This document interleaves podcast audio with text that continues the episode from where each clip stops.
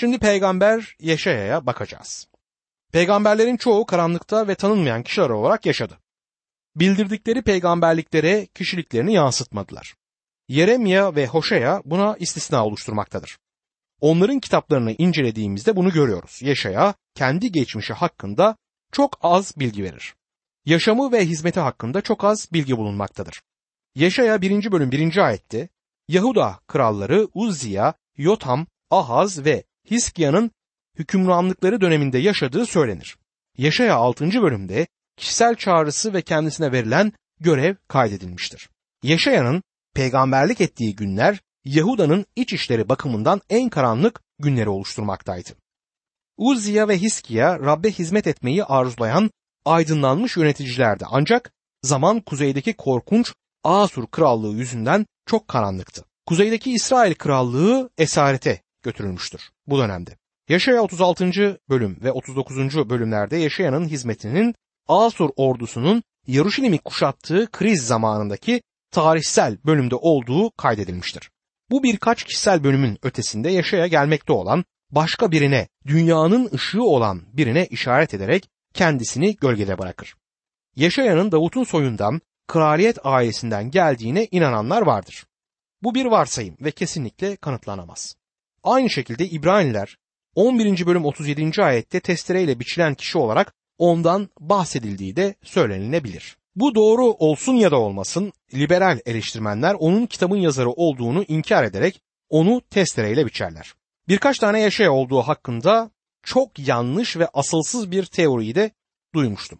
Bu teorilere göre kitap ikinci yaşaya ve üçüncü yaşaya adını verdikleri hayalet yazarlar tarafından yazılmışmış. Kitap bu şekilde yıpratılmaya gelemez. Çünkü İncil bu kitabın her bölümünden alıntı yapar ve Yaşaya'yı onurlandırır. Eleştirmenler Yaşaya'yı bolca eleştirmişlerdir ancak tarih bizlere iki ya da üç değil bir tek Yaşaya sunmaktadır. Lut Gölü tomarları hakkında epey bir araştırma yapan bir arkadaşım Yaşaya'nın bilginlerin en çok kullandığı tomar olduğunu söyledi. Yaşaya'nın büyük bir bölümü aynen günümüzde durmaktadır ve sadece bir tek Yaşaya burada sunulur. Rabbin Kumran'da Lut Gölü yakınlarına küçük bir çoban çocuğunun topraktan bir testiye uzanıp eleştirmenleri susturan bir tomar bulmasına izin vermesi ilginçtir. Eleştirmenlerle Rab ilgilenecektir. İki ya da üç yaşaya hipotezinin ne kadar gülünç olduğuna bir örnek de ben vereyim. Diyelim ki günümüzden bin yıl sonra bazı arkeologlar dünyanın değişik kısımlarını kazdılar. Bir grup Amerika'da bir başka grupta Avrupa'da kazsın. Üç değişik Dwight Eisenhower olduğu sonucuna varıyorlar. İkinci Dünya Savaşı'nda Avrupa sahnesinde zaferli münferit kuvvetlerinin askeri önderi olan bu general 1952 yılında ve 1956 yılında Amerika Birleşik Devletleri'nin başkanı seçilen başka bir adamla aynı ismi taşır. Bir de bağırsak iltihabı için ameliyat olan ve kalp krizinden ölen yatalak bir Eisenhower olsun. Bu bazı insanlara komik gelebilir ama eleştirmenler üç değişik Yeşaya'dan söz ettiklerinde ben de aynısını hissediyorum. Tabii ki kendi özelliklerine sahip olan sadece bir tek Dwight Eisenhower vardı. Aynı şey Yeşaya için de geçerlidir. Şimdi Yeşaya'nın peygamberlik yönüne bakalım. Yeşaya'nın peygamberliği kutsal kitabın bütünüyle çarpıcı bir benzerlik taşımaktadır. Bunu şöyle bir kıyaslamayla sizlere aktarmaya çalışayım. Kutsal kitap 66 kitapçıktan oluşur. Yeşaya da 66 bölümden oluşmaktadır. 39 kitap kutsal kitapta eski antlaşmada bulunur. 39 bölümde Yeşaya'da yasadan Tanrı'nın yönetiminden bahseder. İncil 27 kitapçıktan oluşmaktadır. Yeşaya'da ise lütuf ve Tanrı'nın kurtarışı 27 bölümde konu edilir. İncil'de Yaşaya'dan 66 direkt aktarma yapılmıştır. Bazıları İncil'de Yaşaya'dan 85 aktarma ve söz edilme olduğunu iddia ediyorlar. İncil'deki 27 kitabın 27'si Yaşaya'dan aktarma yapmaktadır. İncil'deki kitapların 12'si direkt olarak aktarma yapmıştır. Yaşaya İncil'e parlak renkli bir ipliğin güzel bir örneğe işlenmesi gibi işlenmiştir. Yaşaya İncil'de fark edilebilir ve göze çarpan bir konumda durur. Yaşaya kutsal ruhun güçlü aletiyle İncil'in kayasına kazılmıştır. Yaşaya sık sık Mesih'ten söz eden İncil ayetini güçlendirmek ve açmakta kullanılır. 36 ila 39. bölümler arasında tarihsel bir ara verilir bize. Peygamberliğin yüksek platosunu bırakıp tarihin kaydına bu bölümler arasında inilmektedir. Bu bölümlerde kullanılan dil bile farklıdır. Şiirden çok düz yazı biçiminde bir ifade kullanılmıştır. Üçüncü ve son ana bölüm olan 40 ila 66. bölümler arasında şiirsel biçime döner ama ilk ana bölümle bir tezatı da burada görürüz. Birincisinde Tanrı'nın yargısını ve doğruluk dolu yönetimini görmüştük.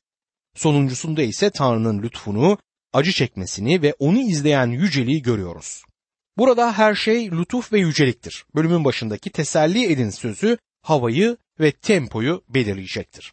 Kutsal kitaptan sapmış bazı liberal eleştirmenlerin ikinci Yeşaya tezini kanıtsız olarak ifade etmelerine neden olan bu bölümdür. Konunun değişmesi yazarın değiştiği anlamına gelmez. 2000 yıl önce ortada ikinci bir Yeşaya hakkında hiçbir söz olmaması ilginçtir. Yuhanna bu bölümün Yeşaya tarafından yazıldığını Yuhanna 1. bölüm 23. ayette söyler. Rabbimiz de bu bölümden Yeşaya tarafından yazılmış olarak Luka 4. bölüm 17 ila 21. ayetler arasında söz etmektedir. Filipus ise bir Habeşliyi Mesih'e kazandırmak için bu kısımdan bir bölüm kullanmıştır Elçilerin İşleri 8. bölümde. Kitabın yazarının Yaşaya olduğunu onaylayan pek çok kaynak daha bulunur. Yaşaya birçok yerel olay hakkında peygamberlik etmiş birisiydi. Yarışilim Asur ordusu tarafından kuşatıldığında Yaşaya çok cesur bir peygamberlikte bulunarak Yaşaya 37. bölüm 33. ayette şöyle dedi. Bundan dolayı Rab Asur kralına ilişkin şöyle diyor. Bu kente girmeyecek, ok atmayacak. Kente kalkanla yaklaşmayacak. Karşısında rampa kurmayacak. Ayrıca Yaşaya 38. bölümde Yaşaya'nın Hiskia'nın hastalığıyla ilgili peygamberliğini de görüyoruz. Ayrıca Yaşaya'nın yaşadığı süre içerisinde gerçekleşmedikleri halde bugün gerçekleşmiş olan başka pek çok peygamberlik bulunur. Bir örnek vereyim. Yaşaya Babil şehri hakkında bir peygamberlikte bulundu. Yaşaya 13. bölüm 19 ila 22. ayetler arasında.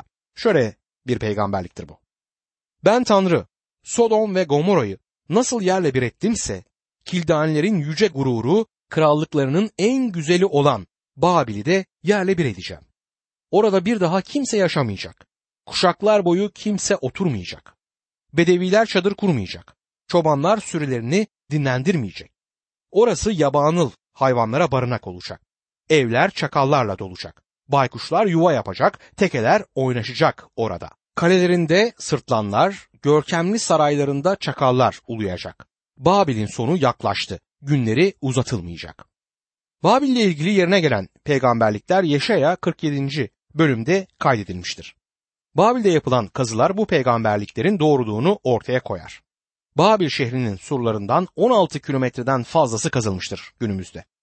Bu büyük uygarlığın kültürü hala etkileyicidir ama Yaşayanın yazmış olduğu gibi toz ve harabe içerisinde bu kent yatar. Bu verilebilecek birkaç örnekten yalnızca bir tanesidir. Kitabı inceledikçe ve çalıştıkça diğerleri de karşımıza çıkacak.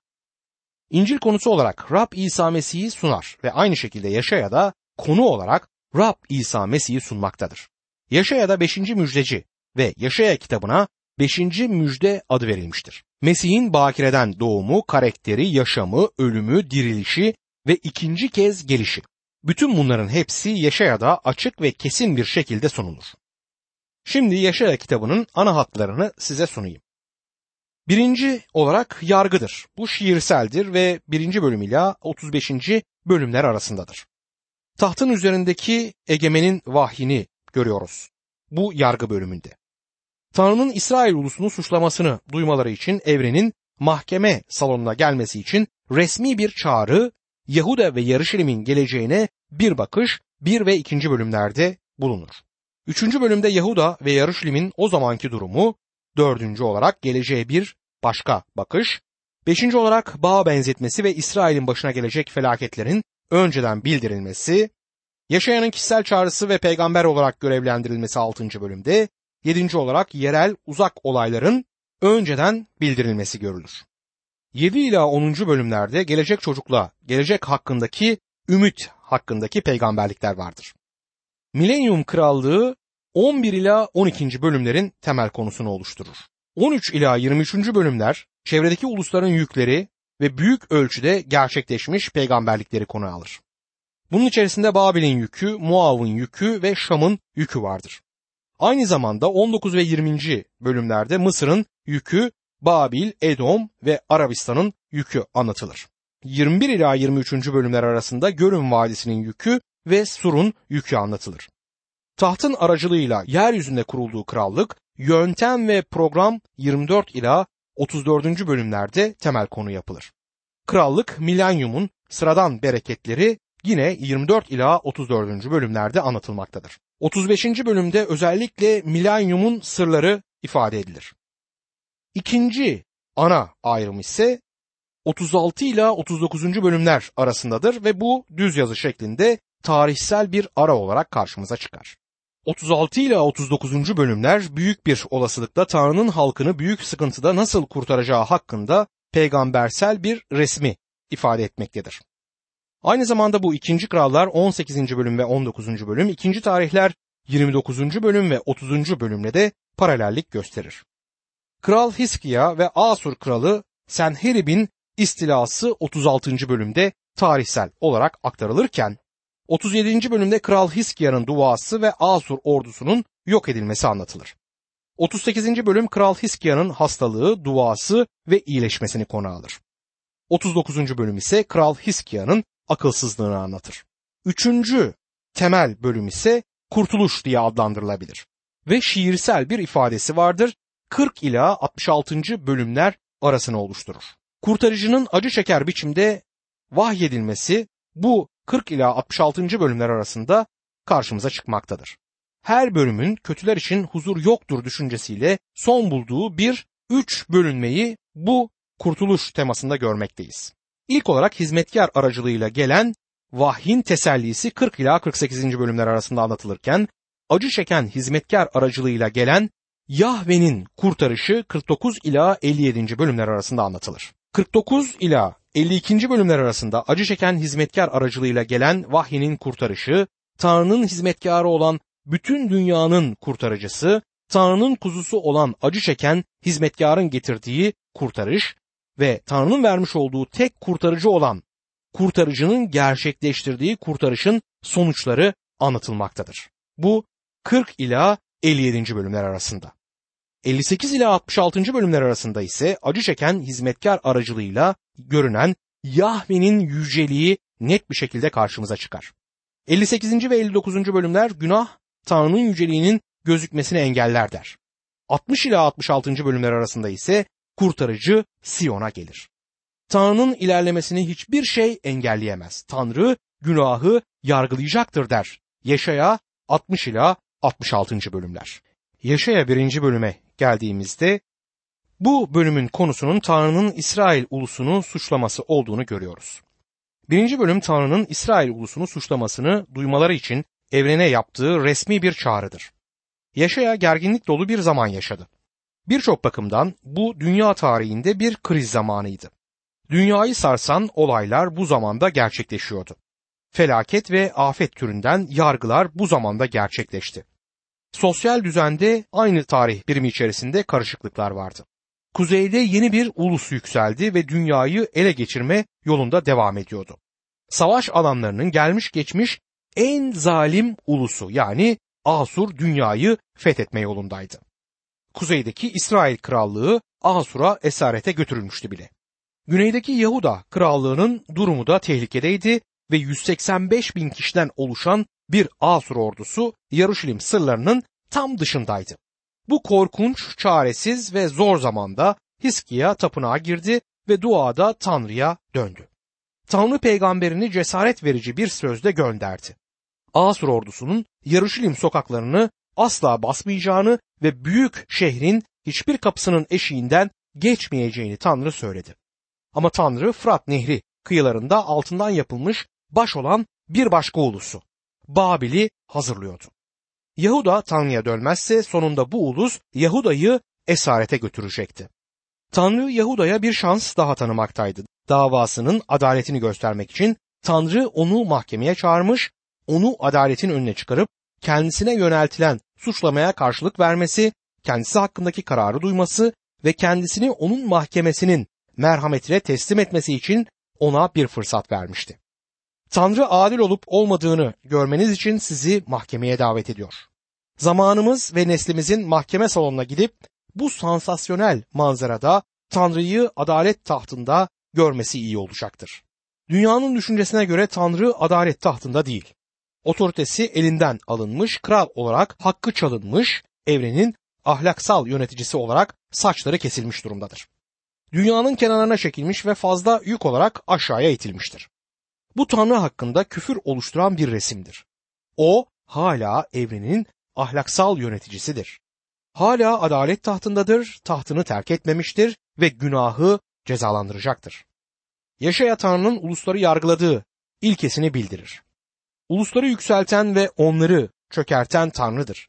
Tanrı büyük ulusların yükseltilmesine izin vermiştir. Şeytanın onları kullanmasına izin vermiştir ama Tanrı'nın programında belirli ulusların sahneden çekilmelerinin vakti geldiğinde şeytana karşı onları ortadan kaldıracaktır.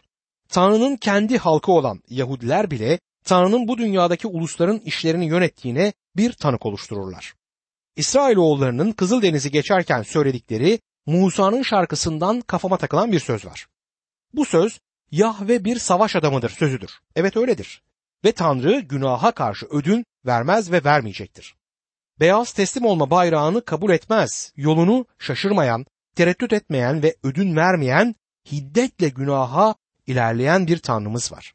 Günümüz insanı Yaşaya ile birlikte Rabbi tahtı üzerinde otururken gördüm diyebilseydi onun için umut olurdu. Yaşaya 1. bölüm 1. ayet.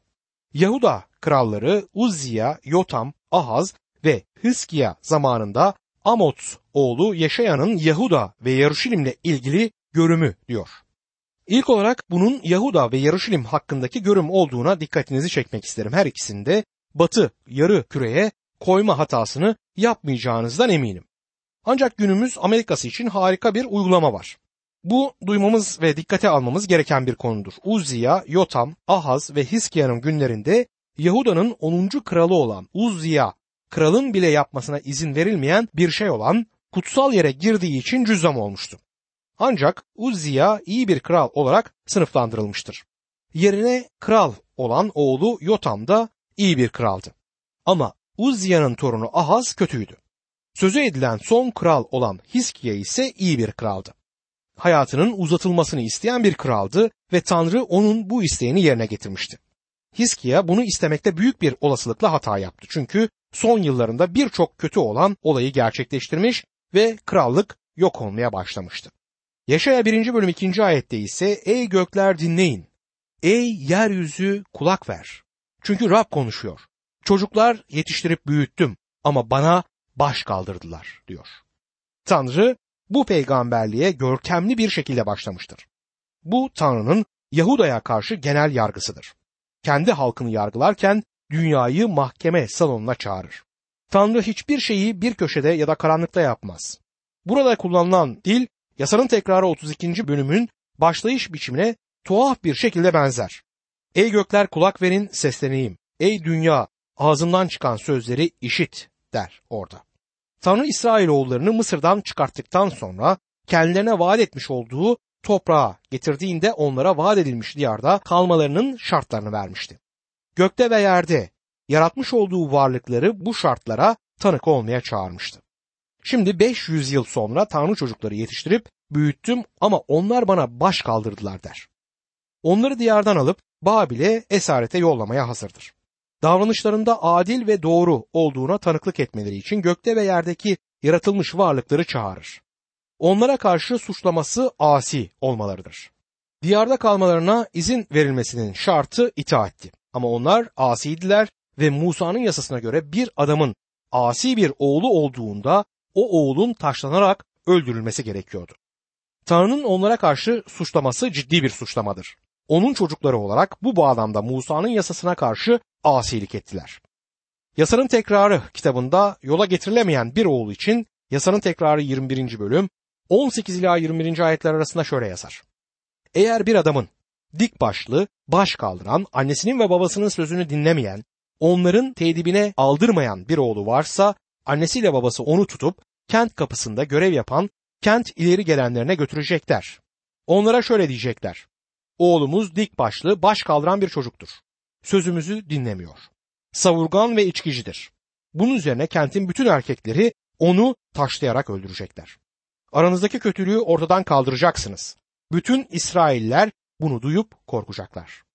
Yasa hayatı ciddiye almayan bir oğula böyle yapmayı buyuruyordu. Mesih'in kaybolan oğul hakkındaki benzetmesini dinleyen kalabalık babanın oğlunu öldürmek yerine besili danayı kestiğini duyunca bu yüzden şaşırmıştı.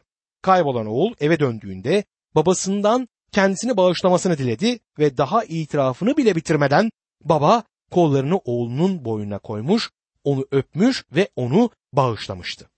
Oğluna kırbaç yerine muhteşem bir ziyafet verdi. Tanrı adil olmakla kalmaz, aynı zamanda da merhametlidir. Ama bir oğulun asiliği ciddidir. Kutsal kitabın bu konuda söyleyecek pek çok şeyi var. Tanrı suçlamasının altını çizmek ve mahkeme salonundaki gerginliği azaltmak için komik bir şey söyler şimdi. Kutsal kitaptaki komik şeyleri gördüğünüzü umuyorum. Bu onun tadına daha çok varabilmemizi sağlayacaktır. Sonsuzluğa gidip de dünyadaki günahı arkada bıraktığımızda ve Tanrı'nın şimdi yerine getirdiği programını bitirdiğimizde çok eğleneceğimizden eminim. Bence çok güleceğiz ve birçok komik durumun tadını da çıkartacağız. Doğru türden bir mizah anlayışına sahip olmak Mesih inanlarına zarar vermez. Tanrı kutsal kitaba pek çok espriyi koymuştur. Vaizlik yaptığım bir topluluğun üyesi olan bir hanım kutsal kitapta espri bulduğum her seferinde kızardı. Bazı durumlarda kürsüye kadar gelip bana saygısızca davrandığımı söylerdi. Rab'le olmaya gideli epey oldu ve umarım birazcık orada gülüyordur. Çünkü buradayken hiç gülmedi. Yüzü hep asıktı ve dünyada hakkında görecek hiçbir şey bulamadı ve iman yaşamının tadını da Tanrı'nın istediği gibi çıkartmadı.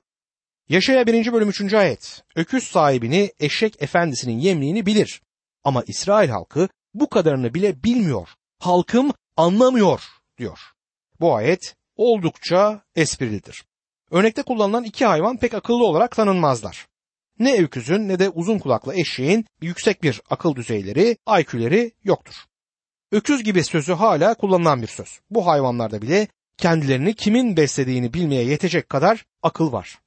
Gençken kaldığım yerin karşısında boş bir arsa vardı. Pantolonunda birçok yama olan çok fakir bir adam küçük eşeğini otlatmak için buraya getirirdi. Eşek otlarken mahalledeki küçük çocukların birçoğu da ona binerdi. Ara sıra büyüklerden birinin bile eşeğe bindiği olmuştu. Ben ona bindiğimde benimle ya da başka birisiyle ilgilenmezdi. Akşamüstü eşeğin sahibi onu almaya gelirdi. O geldiğinde eşeğin uzun kulakları dikilirdi. Sahibini tanıyordu bu eşek. Akşamleyin kendisini kimin besleyeceğini de biliyordu. Günümüzde bir sürü insan bunun tam tersine bütün ihtiyaçlarının Tanrı'dan karşılandığını bilecek kadar akla sahip değil. Tanrı'nın onları beslediğini bilmiyorlar. Onun var olduğunu bile kabul etmiyorlar. Artık Tanrı'ya ihtiyacı olmadığını söyleyen bu garip nesil hakkında ilginç bir yorum değil mi? Hristiyan bir ailede yetiştirilen bir çocuk hakkında anlatılan bir hikaye var. İlk defa evden dışarı başka bir yere davet edilmişti. Gideceği yer sadece kapı komşularında akşam yemeği olduğu halde bunu heyecanla bekliyordu ve saat 5'te giyinmiş olarak hazırdı. Sofraya oturma zamanı geldiğinde yemekten önce şükran duası etmeye alışık olan küçük başını önüne eğip gözlerini kapadı. Akşam yemeğe davet edildiği evdekiler Hristiyan değildiler ve hemen yemeğe başladılar. Çocuk hiçbir şeyi kaçırmak istemediği için gözlerini açıp etrafına baktı. Biraz ustanmıştı ama fazla bir çekingenliği olmadığından siz yemek yemeden önce şükran duası etmez misiniz diye sordu. Bunun üzerine utanma sırası ev sahibine gelmişti ama etmediklerini de itiraf ettiler. Çocuk birkaç dakika düşündükten sonra tıpkı benim köpeğim gibisiniz. Yemeğinize hemen başlıyorsunuz dedi. Günümüzde birçok insan böyledir. Birçok insan ne yazık ki tıpkı hayvanlar gibi Tanrı'ya şükretmeden yaşıyor. Tanrı öküz kendi sahibini, eşek de efendisinin yemliğini bilir demiştir. Günümüzde insanların hayvanlardan geldiğini duyuyoruz. Bunu kim söylüyor? İnsan hayvanlar gibi davranmaktadır. Hatta bazı hayvanların insanlardan daha zeki oldukları söylenebilir. İnsanların hayvanlardan gelmesi yerine belki de hayvanlar insanlardan gelmiştir. Belki evrim geçirerek insandan daha iyi bir şey olmuşlardır. Kim bilir? İnsan çok alçak bir düzeye indi. Sanıyorum Rabbin mahkemesinde Rabbin söyleyecekleri bunu ortaya koyacaktır.